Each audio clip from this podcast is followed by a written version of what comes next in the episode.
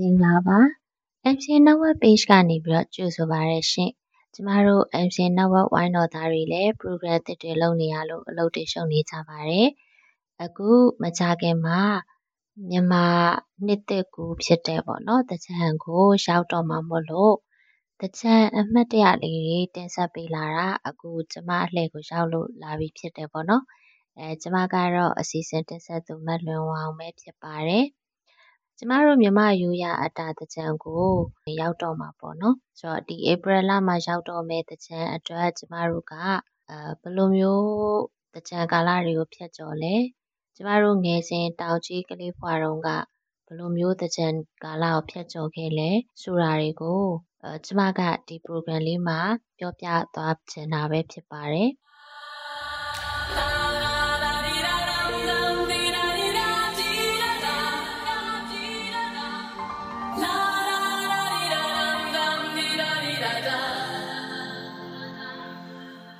မင်္ဂလာပါရှင်မင်္ဂလာပါခင်ဗျာမြန်မာစီနီမာဘလက်တီနယ်ဝက်ကထုတ်လွှင့်တဲ့ရီရီမောမောပေါ့ပေါ့ပပအစီအစဉ်ကနေကြိုဆိုလိုက်ပါတယ်ဒီအစီအစဉ်ကမြန်မာလူမှုနယ်ပယ်မှာမတန်ဆွမ်းမှုအသိပညာတွေညှင့်တင်ပေးနိုင်ဖို့မတန်ဆွမ်းအတိုင်ဝန်ကဖြစ်ရက်ဆုံးကဏ္ဍဆုံးကိုမတူညီတဲ့ရှုထောင့်ပေါင်းစုံကနေလွတ်လပ်ပွင့်လင်းတဲ့တွေးခေါ်ဆင်ခြင်နိုင်မှုတွေနဲ့မျှဝေလိုချသူတွေရဲ့အသံတွေကိုပြုစုပြောထောင်ဖော်ထုတ်ပေးနေခြင်းဖြစ်ပါတယ်။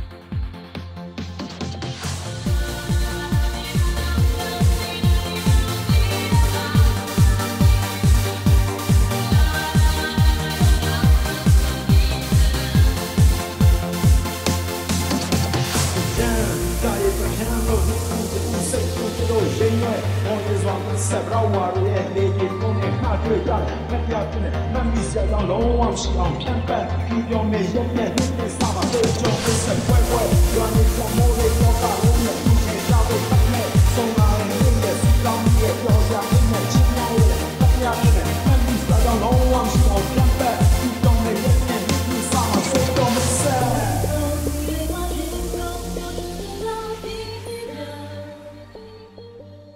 ကြံရဲလို့ကြားလိုက်ပြီဆိုတာနဲ့တချို့ကကုသိုလ်ကောင်းမှုလုပ်ဖို့အတွက်တရားစခန်းတွေဝင်ကြတယ်။များသောအားဖြင့်ဗုဒ္ဓဘာသာဝင်တွေပေါ့နော်။အဲတချို့တော့ဘာသာခြားနဲ့တခြားသောဘာသာစုံလူမျိုးစုံပါဝင်ပြီးတော့ဆင်နွှဲကြတယ်ပေါ့လေ။အဲတချို့ကတော့ရေးပတ်ကြတယ်။ဒီလဲကစားကြတယ်ပေါ့။တချို့ကမန်ဒတ်တွေမှာကိုတက်နိုင်သလောက်စတူဒေတာတွေကျွေးကြမယ်။အဲဒါတွေမကသေးဘူးနှစ်စန်းတရက်နေ့ချောင်းရင်လည်း လူကြီးသူမတွေကိုခေါင်းလျှော်ပေးတာတို့လက်သေးညှက်ပေးတာတွေအစရှိသဖြင့်ကုသိုလ်ယူတတ်ကြပါသေးတယ်။ငငယ်ကကျမတို့လုပ်ပူးကြတဲ့ဒလီလေးတခုရှိရပေါ့နော်။တကြံရောက်ပြီဆိုတာနဲ့မန်တက်ဒီမှာမုံလုံးရှိပေါ်လုပ်ကြတယ်။မုံလုံးရှိပေါ်လုံးကြတယ်မုံလုံးရှိပေါ်လှုပ်စားကြတယ်ဆိုတာကတကြံရဲ့အစားအစာတစ်ခုလိုဖြစ်နေပေါ့နော်။ပြီးတော့ဒါတကြံထမင်းပေါ့နော်။အဲထမင်းထဲမှာရေစမ်းပြီးတော့စားတာမျိုးပေါ့ အမှန်တကယ်ကတော့အာတကြံထမင်းဟင်းစားနေနဲ့တယောက်နဲ့တယောက်ကြည်စဲတယ်လို့လို့နဲ့ရေပတ်ကြရင်လည်းမှရေဒီထမင်းပကံနဲ့ဝင်သွားတဲ့အခါမှာတကြံထမင်းဆိုပြီးတော့ဖြစ်သွားတာပေါ့လေအမျိုးမျိုးပဲရှိကြတယ်ပေါ့လေခုခေတ်မှာတော့ကျမတို့ခေတ်ကာလနဲ့အကြီးတကြံနဲ့ပတ်သက်လို့တော့အစားအသောက်တွေကတဖြည်းဖြည်းနဲ့ပြောင်းလဲလာပြီပေါ့နော်စတူဒေတာတွေဆိုလည်းပဲလွယ်လင်းတကူရတဲ့အစားအသောက်တွေကိုဖော်ဘူးလေးနဲ့ဝေပြီးတော့ဒါနပြုကြတယ် ဒါမှမဟုတ်ရင်လည်းကိုတက်နိုင်တဲ့အာဟာရပေါ့နော်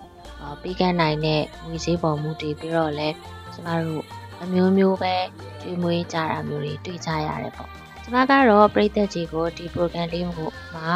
ကျမငငယ်တုန်းကကျမငယ်စဉ်တောင်ကြီးကလေးဘွားကပေါ့နော်အသက်၄နှစ်အရွယ်လောက်ပေါ့ပြောရမယ်ဆိုရင်တော့ချိုင်းဟုเนาะအဲ့ဒီအရွယ်တုန်းက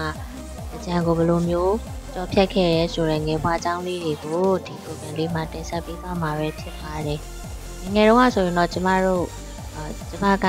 ရန်ကုန်မှာနေရတာရှားပါတယ်။ကျမမှာမွေးချင်း၃ယောက်ရှိတယ်။အများသောအားဖြင့်ကျမပေါင်ဓမ္မတွေနဲ့တူတူနေရတာရှားတယ်ပေါ့နော်။ဝီယာတီကျောင်းပိတ်ရက်ရောက်ပြီဆိုရင်မမေကအဖွားရှိတဲ့ဒီ30တာယာလီမျိုးပေါ့နော်။သွားလေးရှိတယ်ပေါ့။ အဲ့ဒီမှာကျမကိုမမေကထားခဲ့တယ်ခဏတစ်ပြုတ်3လနေရာဒီ3လလုံးဒီမှာပဲနေကျောင်းဖွင့်မှရန်ကုန်ပြန်လာခဲ့ဆိုပြီးတော့ပေါ့နော်တဖေရဲ့မမေရဲ့ကျမရဲ့မောင်လေးနှစ်ယောက်ကတော့ရန်ကုန်မှာကြံခဲ့တာများတယ်ကျမအတော်ကရန်ကုန်ကိုလာပြီးဆိုရင်အများနဲ့နေရာဒီကျောင်းပိတ်ရရပြန်ရောက်ရင်30သားရီမျိုးခေါ်သွားလိမ့်ရှယ်ပေါ့နော်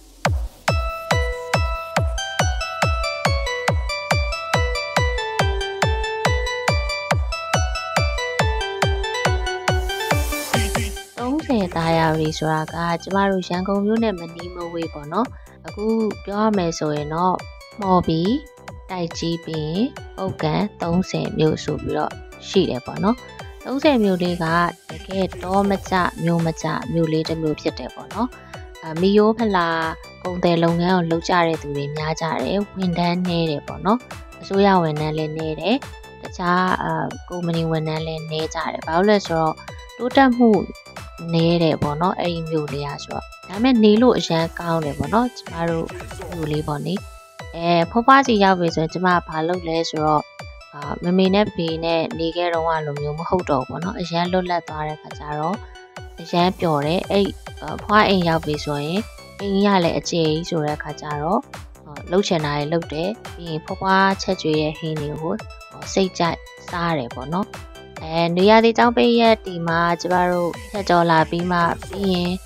ကြံကာလကိုရောက်လာပြီဆိုရင်ဖွားဖွားကဘာလုပ်ပြီးလဲဆိုတော့ဖွားကသူ့ရဲ့အလုပ်သမားတွေကိုထမ်းလက်တွေခုခိုင်းတယ်ခုခိုင်းပြီးလို့ရှိရင်အိမ်ရှိမှာမန်တက်လေးတည်တည်လေးလုပ်ပြီးရပါတော့အဒီမန်တက်လေးမှာဆိုလို့ရှိရင်လည်းပဲဒီကျမတို့ဒီစန်နီပါတွေပြတဲ့စကောလीအဲ့လိုစကောအဝိုင်းလေးမှာ တကြံရေပတ်မန်တက်ဆိုပြီးတော့တေချာစလုံးလေးရေးပြီးတော့မှတစ်လှဆင်ပေးတယ်ပေါ့နော်ပြီးလို့ရှိရင်ကလေးတွေအတွက်လည်းသူက ရေရေပတ်ဖို့အတွက်ကိုတေချာပေါ့နော်အဲ့ဒီခေတ်ခါကတော့တိုင်ကီပေါ့နော်တိုင်ကီအကြီးတွေပြီးလို့ရှင်စီပိုင်းနေချထားပြီးရယ်ပြီးရင်ရေခွက်တွေတယောက်တစ်ခွက်နဲ့အဲ့လိုမျိုးပတ်ကြရတာပေါ့နော်ပြီးလို့ရှင်ဖွားတို့အိမ်ကရေကအရင်တော့ဟိုကျမတို့နေမှာတုံးကြတဲ့တုံကင်လိုမျိုးဟာရှိတယ်လေတုံကင်နဲ့နှိပ်ပြီးတော့မှတကယ်ရေပိုက်တွေတွဲတွဲပြီးမှတကယ်အိမ်ရှိမှလေကလေးကိုတကယ်စော့ခြင်းစရာကောင်းလုပ်ပေးထားပါတော့ရမ်းပျော်စရာကောင်းခဲ့တယ် ကျမအသက်ကအဲ့တော့၄နှစ်ကျော်၅နှစ်ပဲရှိတယ်ပေါ့နော်ငယ်တော့ကျမတို့ကလေးဘွားဆိုတာကတော့တကယ်ကိုမှပူပင်လဲကင်းမဲ့တယ်ဖြူစင်တဲ့ကလေးဘွားဆိုတော့ဒီလိုကလေးဘွားအကြောင်းလေးကိုပြန်ပြီးတော့အခုချိန်မှာပြန်ပြောပြရတာတကယ်ကိုမှစိတ်လှုပ်ရှားစရာလည်းကောင်းတယ်ပျော်စရာလည်းကောင်းတယ်ပေါ့နော်တော်တော်လေးပျော်စရာကောင်းခဲ့ပါတယ်အခုပြန်တွေးရမယ်ဆိုရင်တော့ကြည်နိုးတယ် ငငယ်ငယ်ကတော့တကြံကာလရှိပတ်ကြပြီဆိုတာနဲ့တယောက်နဲ့တယောက်စချနောက်ကျအိမ်နီးနာချင်းကလေးတွေပေါ့နော်အရွယ်ဆုံးစိုက်ဆုံးအကုန်လုံးခေါ်ပြီးတော့ရှိပတ်ကြတယ်အဲကျမတို့ငငယ်တော့ဆိုရင်တော့ဒါဥပုပ်တယ်တော့မကြံဘူးပေါ့နော်အရှိမပိုးပိုးဖွားတွေအအကိုကြီးတွေပြီးရင်ဦးလေးတွေအတော်ကြီးတွေဥပုပ်ဆောင်ပြန်လာလဲမချန်ဘူးအကုန်လုံးပတ်ကြတယ်ပေါ့နော်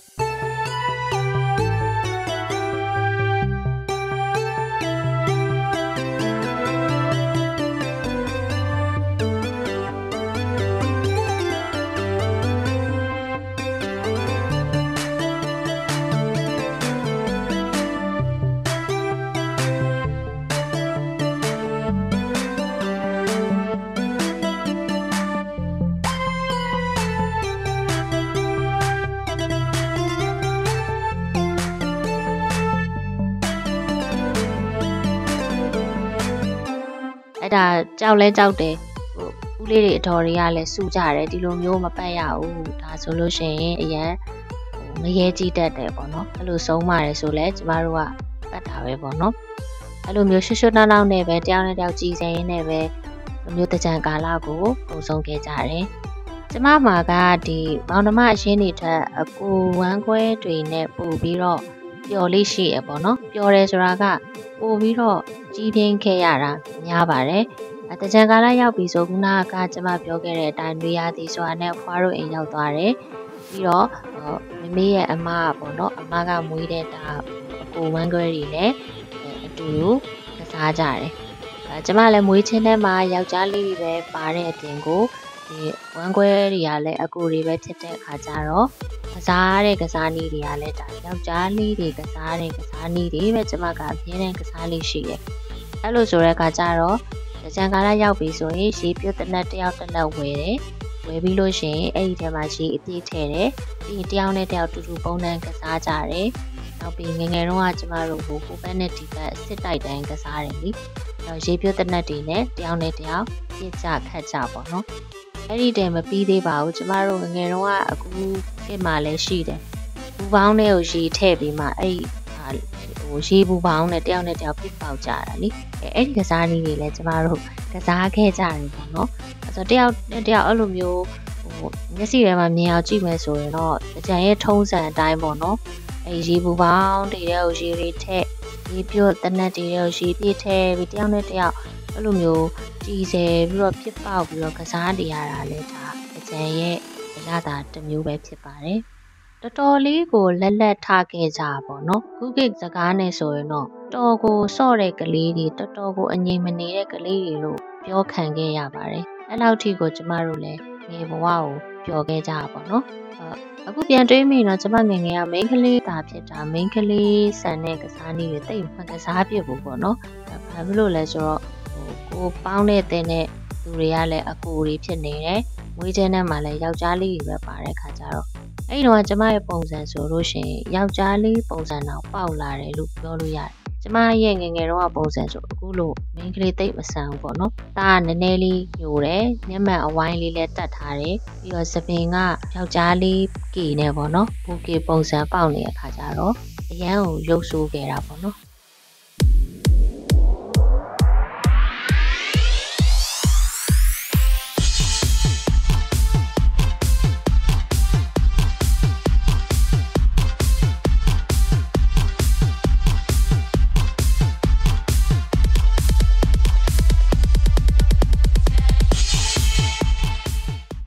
ပ်ပြောကြလေးရှိပါသေးတယ်။အဲ့ဒါကတော့ကျမတို့နေဘက်တောရွာတွေမှာပဲတွေ့ရတဲ့ရှိတယ်ပေါ့နော်။ဒေါ်လာကြီးလို့ခေါ်တယ်လေ။ဒေါ်လာကြီးလို့ပြောလိုက်လို့ဟိုလူလူဒေါ်လာကြီးကိုပြောတာမဟုတ်ဘူးနော်။ကျမပြောတာကခွန်တောင်းကိုပြောတာပေါ့နော်။တကြုံကြုံတစ်ချက်ချက်နဲ့မြေရခွန်တောင်းကားကြီးတွေလေ။အဲအဲ့လိုမျိုးဒေါ်လာကြီးတွေကို ကျမတို့ကစီးပြီးတော့ရေဘက်ခံထွက်တာပဲဖြစ်ပါတယ်။အဲ့ဒီတော့ငါရွာတွေမှာမြို့ပေါ်တက်ချင်ပဲဖြစ်ဖြစ်တနေရာသွားချင်ပဲဖြစ်ဖြစ်စီးကြတယ်ပေါ့လေ။အရန်စီးလို့ကောင်းတယ်။ဒါပေမဲ့နားတော့ညီတာပေါ့နော်။ဂျုံဂျုံဂျုံဂျုံချက်ချက်ချက်ချက်နဲ့လေအဲ့ဒီကားကြီးတွေကအခုဆိုလဲအခုကျမနေတဲ့ရက်ကွက်မှာလဲအဲ့လိုမျိုးရက်ကွက်ထဲကိုအုတ်တီပြီးလက်မြေအဲ့ဒီကားကြီးတွေနဲ့တဲလိုက်တလန်းလောက်စူးရံနေတာပဲပေါ့နော်။ အဲတမျိုးလုံးအဲ့ဒီကားနဲ့ရှောက်လဲပြစ်လိုက်ပြီးဆိုရင်ဒါရေတော်တော်ရွှဲသွားပြီကျမတို့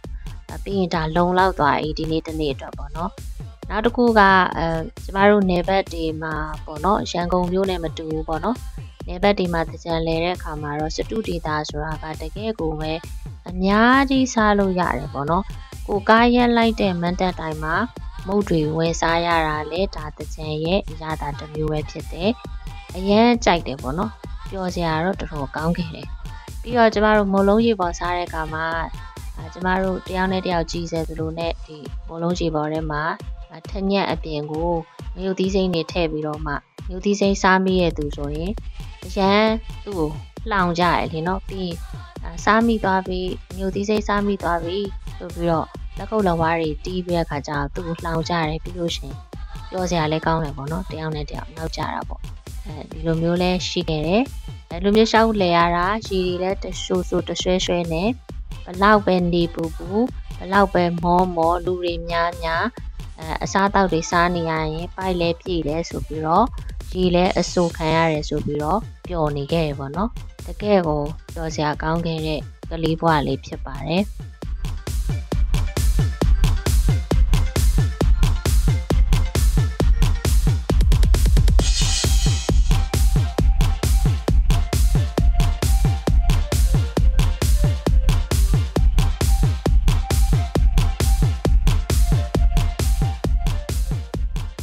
ပြောလာလိုက်တာအကျိုးအကျအကျက်အတက်နေတယ်ပြီးရောနေဆန်းတရက်နေကိုရောက်တဲ့အခါမှာတော့ကျမတို့ဘွားကကျမအတွက်ယောဂီဝတ်စုံလေးတစ်စုံပြီးခဲ့တယ်ပေါ့နော်။အမေရအဲ့ဒီအရွယ်တော့ကကျမက၄နှစ်ကျော်၅နှစ်ဆိုတော့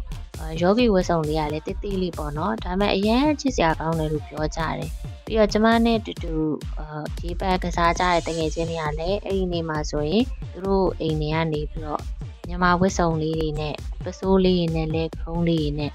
အဲ့ဒီအရွယ်တော့ကတော့ကျမတို့ငယ်နူးတဲ့အရွယ်လေးဆိုတော့အခုခေတ်မှာဆိုညီကောင်မောင်ကျမတို့မြင်ဖို့မှာပေါ့ကလေးလေးတွေလေ5 6 6တဲ့အရွယ်ကလေးလေးတွေမြမဝတ်စုံလေးတွေနဲ့အဲ့လိုယောဂီဝတ်စုံလေးပဲဖြစ်ဖြစ်ဒီလိုရိုးရဝတ်စုံလေးတွေနဲ့ပဲထွက်လာလို့ရှင်အရင်ကြည့်လို့ကောင်းတယ်လေအဲအဲ့ဒီပုံစံမျိုးပဲပေါ့နော်အဲကြံတဲ့တငယ်ချင်းတွေကိုလည်းခေါ်တယ်ဘုန်းကြီးကျောင်းလည်းသွားကြတယ်ပြီးရင်စူတောင်းမင်္ဂလာတွေ ဥပုပ်တွေယူကြတယ်အိမ်ပြန်ရောက်တော့လဲကျမတို့ဗမာလူမျိုးတွေရဲ့အယူဆတိုင်းပဲပေါ့လေတအိမ်လုံးတန်ရှင်းလုပ်ကြရတယ်အဲမြန်မာလူမျိုးတွေရဲ့အယူဆကတော့တအိမ်လုံးမှာရှိတဲ့အဟောင်းတွေအဆုပ်တွေအညစ်အကြေးတွေကိုဒီမြန်မာနေစံတရက်နေ့မှာစွန့်ပစ်ပြီးတော့အသစ်သောအရာတွေကိုပြုပြင်ပြင်ဆင်ပြီးတော့အိမ်ထဲမှာထားမယ်ဆိုရင်ဒါမင်္ဂလာရှိရဲဆိုရဲအယူရှိကြတယ်လေနော် ပြီးတော့ပိုးပွားတွေကိုလက်သေးညှက်ပေးတာတို့ခေါင်းလျှော်ပေးတာတို့ပြီးတော့လူကြီးသူမတွေကိုမိမိနှစ်သက်ရာဝတ္ထုပစ္စည်းတွေနဲ့ကြော့တာတို့ဒါကတော့ကျမတို့မြန်မာလူမျိုးတွေရဲ့ဒလေးထုံးတမ်းဖြစ်တယ်ပေါ့နော်ဒီလိုနဲ့ပဲကျမရဲ့ငယ်ဘဝပုံရိပ်ကအခုလိုပဲကုံဆုံးခဲ့တာပဲဖြစ်ပါတယ်ပြိသက်ကြီးရဲ့ဒီကိုမောင်နှမတို့ရောအခုလာမဲ့တကြံကာလာကိုဘလို့ဖြတ်ကျော်ဖို့စိတ်ကူထားကြလဲ ပြီးခဲ့တဲ့တကြံကာလာတွေကိုကဘလို့ဖြတ်ကျော်ခဲ့လဲဆိုတာကိုကျမနဲ့အတူကျမတို့ရဲ့ engine network မှာရင်းဝင်ပြီးပါဝင်ပေးဖို့လည်းဖိတ်ခေါ်ပါရစေကျမရဲ့ program လေးကိုစိတ်ဝင်စားနားထောင်ပေးလို့ပရိသတ်ကြီးကိုအထူးပဲကျေးဇူးတင်ပါတယ်ယခုအစီအစဉ်လေးကိုဒီမှာပဲရှင်းနာလိုက်ပါစီနော်အားလုံးပျော်ရွှင်ကြပါစေရှင်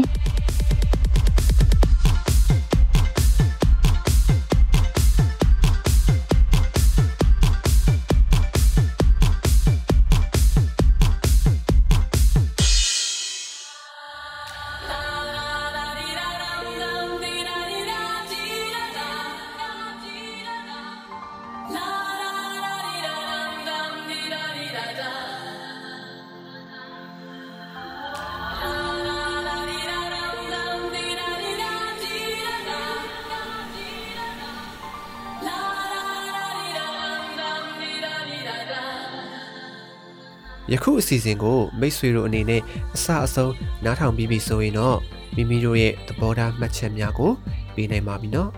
ဒီအစီအစဉ်နဲ့ပတ်သက်ပြီးမိတ်ဆွေတို့ရဲ့မှတ်ချက်ပေးခြင်းအကြံဉာဏ်ပေးခြင်းမေးမြန်းခြင်းတို့ကိုလည်းအထူးပဲဖိတ်ခေါ်ပါရစေမိမိတို့ရဲ့ပူပေါင်းတင်ဆက်မှုအတွက်ဒါမှမဟုတ်စုံစမ်းမေးမြန်းမှုအတွက်စိတ်ဝင်စားတယ်ဆိုရင်တော့မြန်မာ cinemaability@gmail.com ဒါမှမဟုတ်တင်ဆက်သူများရဲ့ Viber နံပါတ်များဖြစ်တဲ့ကိုပြည့် 39 26 125 6493နဲ့မနွေ39 453939 6335တို့ကိုဆက်သွယ်ဆောင်ရွက်နိုင်ပါတယ်မိတ်ဆွေတို့အနေနဲ့ဒီအစီအစဉ်ကိုမသိသေးသူများသိဖို့လိုအပ်နေသူများမတန်ဆွမ်းအရေးကိုမိမိတို့ရဲ့လုပ်ငန်းခွင်အသီးသီးမှာထည့်သွင်းဆောင်ရွက်ဖို့စိတ်ဝင်စားသူညီသူကိုမဆိုထပ်ဆင့်ဝေမျှပေးရင်သတင်းကောင်းပေးနိုင်ပါတယ်မြန်မာပြည်သူပြည်သားများအားလုံးမတန်ဆွမ်းမှုအသိပညာတွေတိုးပွားက ခွဲခြားဆက်ဆံမှုကင်းပြီးအားလုံးအကျုံးဝင်တဲ့လူမှုအတိုင်းအဝန်တစ်ခုကိုအမြန်ဆုံးဖော်ဆောင်နိုင်ပါစေလို့ဆန္ဒပြုရင်းဒီကနေ့အစီအစဉ်ကိုဒီမှာရင်ရန်နာပါရစေတောတာရှင်အားလုံးနေ့ရက်အသက်တိုင်းမှာကောင်းစည်းမင်္ဂလာပေါင်းများစွာရယူပိုင်ဆိုင်နိုင်ပါစေလို့လည်းကျွန်မကဆုတောင်းမြတ်တာပို့တာအပ်ပါတယ်။နောက်ပတ်စနေနေ့ည9:00နာရီမှာပြန်ဆောင်ကြရအောင်နော်။